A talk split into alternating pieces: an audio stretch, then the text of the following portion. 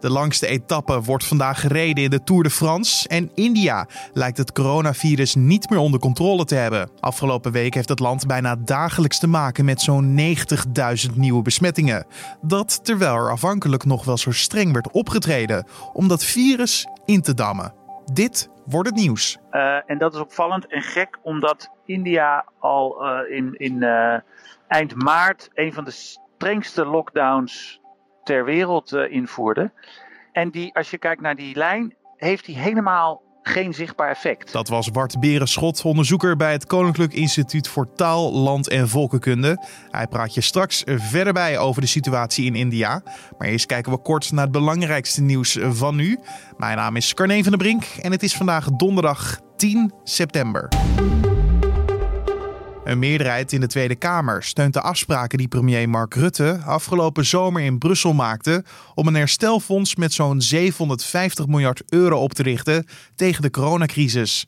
Er blijven wel veel vragen hangen over de werking van de zogenoemde noodrem voor het geval lidstaten zich niet aan de afspraken houden. Veel partijen hadden ook graag gezien dat er stevige afspraken waren gemaakt over het belang van de democratie en de rechtsstaat. Brussel heeft wat betreft deze punten al langer kritiek op landen zoals Polen en Hongarije. De waardedaling van het Nederlandse vastgoed zal volgend jaar oplopen tot 6% al dus ABN AMRO. De bank wijst naar de verwachte stijging van de werkeloosheid als hoofdzaak, waardoor de waardestijging van dit jaar teniet wordt gedaan. Volgens ABN AMRO reageert de waarde van vastgoed met vertraging op de eerder dit jaar ingezette economische krimp als gevolg van de coronacrisis, waardoor de waarde van het vastgoed in Nederland in 2020 nog met 1,5% zal toenemen, maar in 2021 2021 rekent de bank echter op een waardedaling van 6% Voor dit jaar houdt het economisch bureau van ABN AMRO rekening met een stijging van de werkeloosheid van 3,4% naar 4,4%, terwijl volgend jaar een versnelde toename tot 7,2% te zien zal zijn. De populatieomvang van diersoorten is de afgelopen halve eeuw wereldwijd met twee derde afgenomen. Dat blijkt uit het tweejaarlijkse Living Planet Report van het Wereld Natuurfonds. De belangrijkste oorzaken hiervoor zijn ontbossing, overbevissing, overcompensatie en klimaatverandering. Met name in Afrika, Zuid-Amerika en het zuiden van Azië is sinds 1970 een enorme afname zichtbaar. Die daling is in Europa relatief laag, al dus het rapport waar 130 internationale wetenschappers aan meewerken. Bijna 1 op de 3 Nederlanders voelde zich emotioneel eenzaam tijdens de coronacrisis. Het is een toename vergeleken met eerdere jaren. Dat blijkt uit een rapport van het Sociaal en Cultureel Planbureau. Vrijwel in elke leeftijdsgroep is eenzaamheid gestegen, maar die is het sterkst toegenomen bij mensen van 75 jaar en ouder. Het planbureau ziet als mogelijke verklaring dat vooral bij die groep het intieme contact werd beperkt door de coronamaatregelen. De ondervraagden werd ook gevraagd om een rapportcijfer te geven hoe tevreden ze zijn met hun leven. Met een 7,3 is dat niet significant lager dan eerdere jaren. Het Sociaal en Cultureel Planbureau denkt dat het kan liggen aan het feit dat begin juli de coronamaatregelen net versoepeld waren. En toen waren ze begonnen met dit onderzoek. En dan schakelen we over naar het gesprek van deze podcast. En dat is dat India momenteel 4,2 miljoen mensen kent die besmet zijn met het coronavirus. Daarmee staat het land op de tweede plek als het gaat om het aantal absolute coronabesmettingen onder de bevolking. De Verenigde Staten staat nog altijd bovenaan met ruim 6,3 miljoen stuks. In maart werd er nog streng ingegrepen in India met een landelijke lockdown. Als gevolg daarvan trokken miljoenen mensen vanuit de stad terug richting hun dorpen. Inmiddels is duidelijk dat de regering geen tot weinig grip meer lijkt te hebben op het virus. Tijd om de rekening op te maken, dacht collega Julien Dom. Daarom belde hij met Wart Berenschot, onderzoeker bij het Koninklijk Instituut voor Taal, Land en Volkenkunde en bijzonder hoogleraar politieke antropologie aan de Universiteit van Amsterdam. En vroeg hem waar die snelle stijging plots vandaan komt. Als je kijkt naar de grafiek van een aantal besmettingen in India, is er eigenlijk iets opvallends aan de hand. Dat is namelijk eigenlijk een doorgaande stijgende lijn over de afgelopen zes maanden. Uh, en dat is opvallend en gek, omdat India al uh, in, in uh, eind maart een van de strengste lockdowns ter wereld invoerde. En die, als je kijkt naar die lijn, heeft die helemaal geen zichtbaar effect. Betekent dat dan dat mensen zich niet aan die regels houden of dat het eh, beleid gewoon onduidelijk is voor de inwoners? Ik, ik denk dat er een aantal dingen spelen. Maar één daarvan is dat het gewoon in, in, de, in India ontzettend moeilijk is voor mensen om zich helemaal aan die uh, regels te houden. Uh, ten eerste door economische noodzaak. Om geld te moeten verdienen en om rond te moeten komen, moesten mensen vaak alsnog naar buiten. En zijn er in het, tijdens die lockdown uh, bijna 200 miljoen mensen vanuit de grote steden naar het platteland gegaan, omdat ze hun, hun werk kwijt waren. En, en uh, waren veelal dagloners die om te overleven op, op uh, terug moesten naar een dorp. Maar er komt ook bij dat uh, vooral in sloppenwijken wonen mensen ontzettend dicht op elkaar in hele kleine huizen. je moet je voorstellen, zeg maar, 10 mensen in, op 30 vierkante meter. dat is, dat is ja, heel lastig om dan, in, en dan allemaal huizen naast elkaar, om dan afstand te houden van elkaar. Ja, dat is een probleem waar we destijds in april elkaar al over spraken. Grote verschillen tussen de bevolkingsgroepen, tussen arm en rijk. Aan dat probleem is dus eigenlijk niets veranderd door de regering. Dus, dus niet geholpen om daar iets mee te doen. Nee, maar en nu kan je denk ik zeggen, uh, terugkijkend, dat de India's regering wellicht te vroeg die lockdown heeft ingesteld.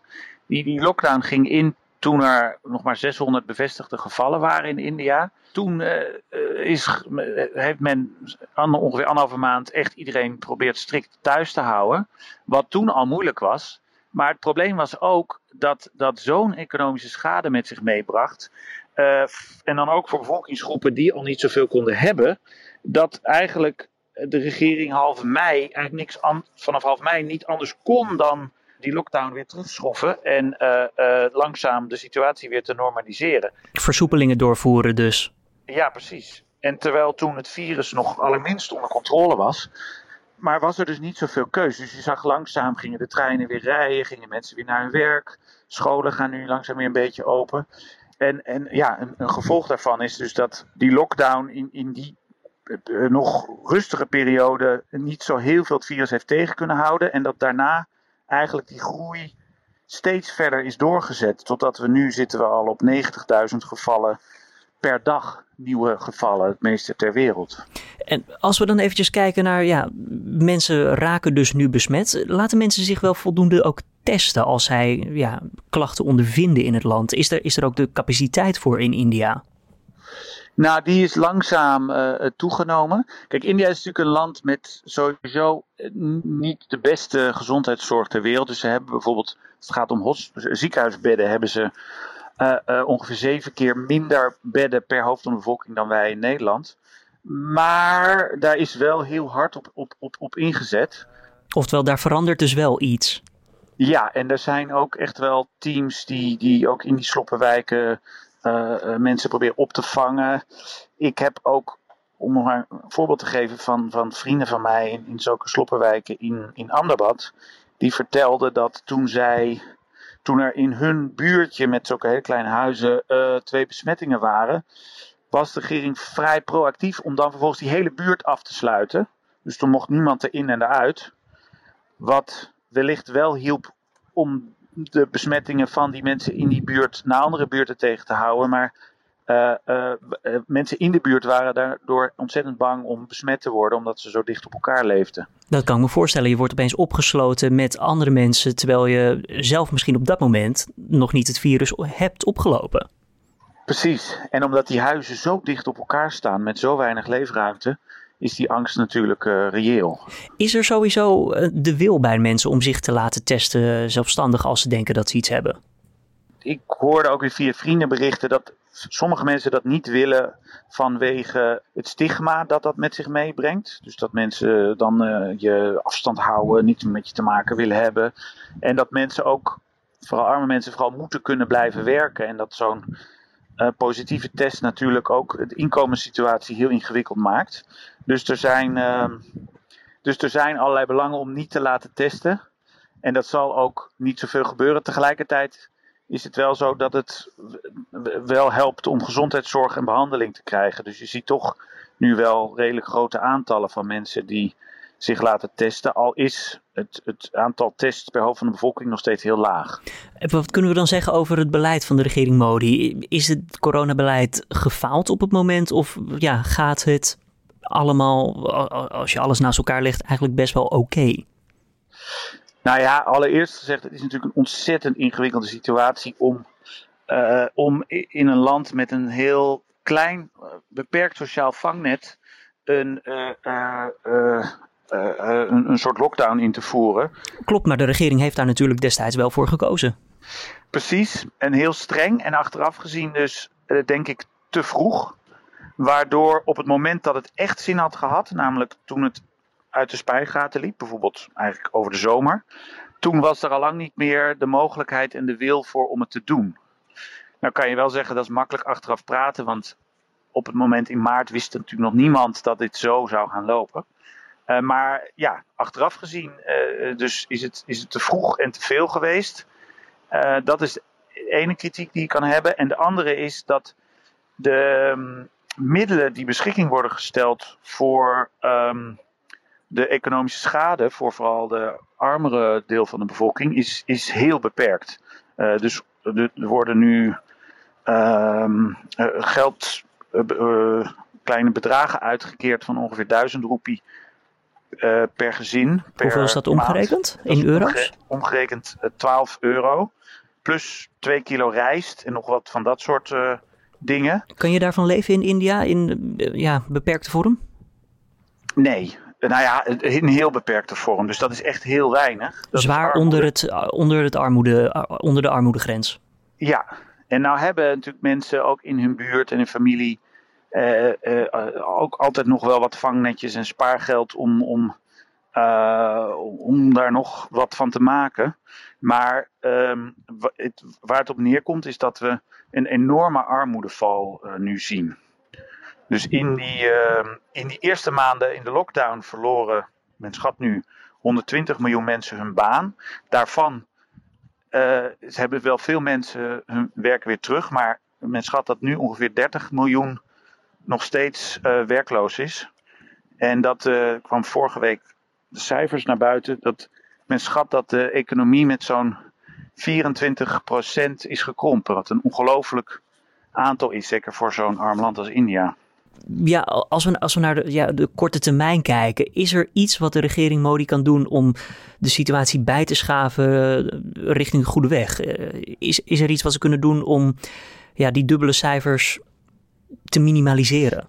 Nou ja, kijk, wat opvalt vanuit ons perspectief, als wij van Europa kijken, is dat uh, dus het, het, het stimuluspakketten die hier in West-Europa uh, zijn uh, uitgerold, die zijn niet zo groot en gul geweest in India. Dus ik noemde al die bedragen die mensen krijgen, die, werkloosheid, die werkloos zijn geworden, die zijn klein. Um, en ook het geld dat de centrale regering naar de verschillende deelstaten stuurt om, om voorzieningen te bieden of om de economie te stimuleren. Daar wordt over geklaagd dat het weinig is en dat er financiële tekorten dreigden van al die deelstaatregeringen. Um, dus uh, de discussie nu in India is ook van, goh, moeten we niet een veel breder stimuluspakket ook hebben en veel meer geld om, uh, om meer te kunnen doen om die economie ook weer uh, op, op gang te brengen. Waar lijkt dit debat zich naartoe te, toe te spitsen?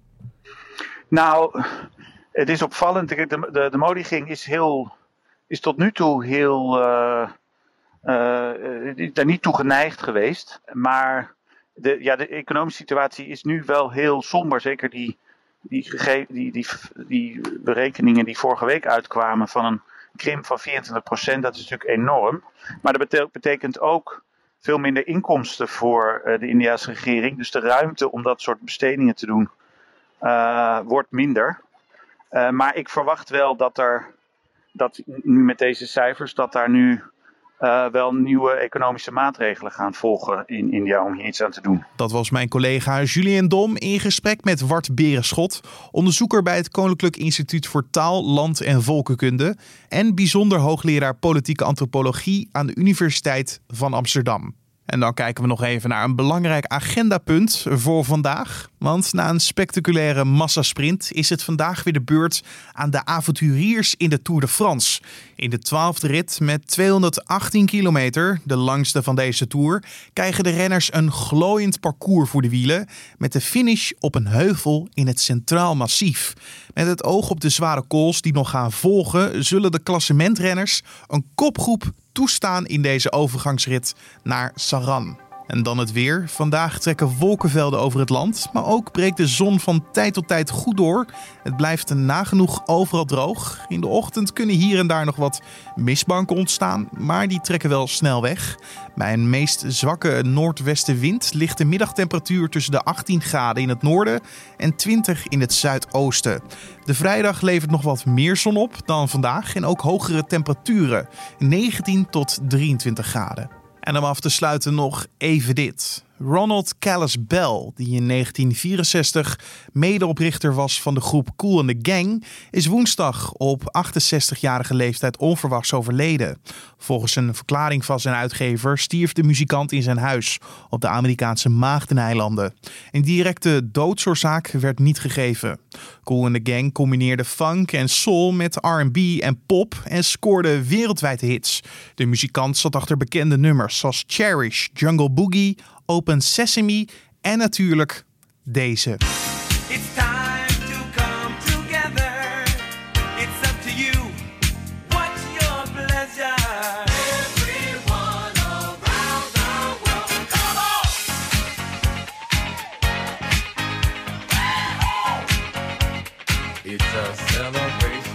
In 2015 werd de groep toegevoegd aan de Hollywood Walk of Fame en een jaar eerder speelden ze voor de laatste keer in Nederland.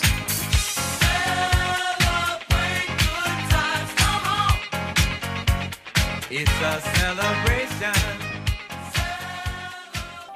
En dit was dan weer de Dit wordt het nieuws podcast voor deze donderdag 10 september. Je kan ons heel makkelijk helpen om deze podcast beter te maken door een mailtje te sturen naar podcast.nu.nl met erin te zetten of je feedback voor ons hebt, uh, vragen.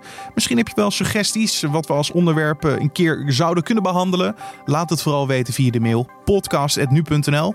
En je kan je natuurlijk altijd gratis abonneren op deze podcast hè, via je favoriete podcast-app, zoals een Spotify of Apple Podcast. Gratis en voor niets. En zo staat hij elke dag voor je klaar. Mijn naam is Carne van der Brink. Ik wens je een hele mooie dag en graag tot de volgende podcast.